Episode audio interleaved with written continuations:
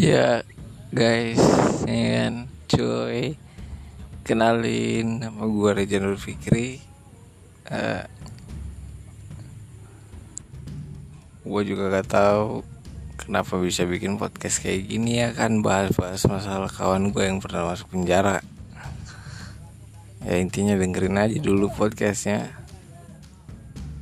Wow pasti banyak banget berbagi pengalaman selama jadi binatang sampai bisa jadi orang yang normal. Nggak jadi nggak kayak binatang lagi kelakuannya.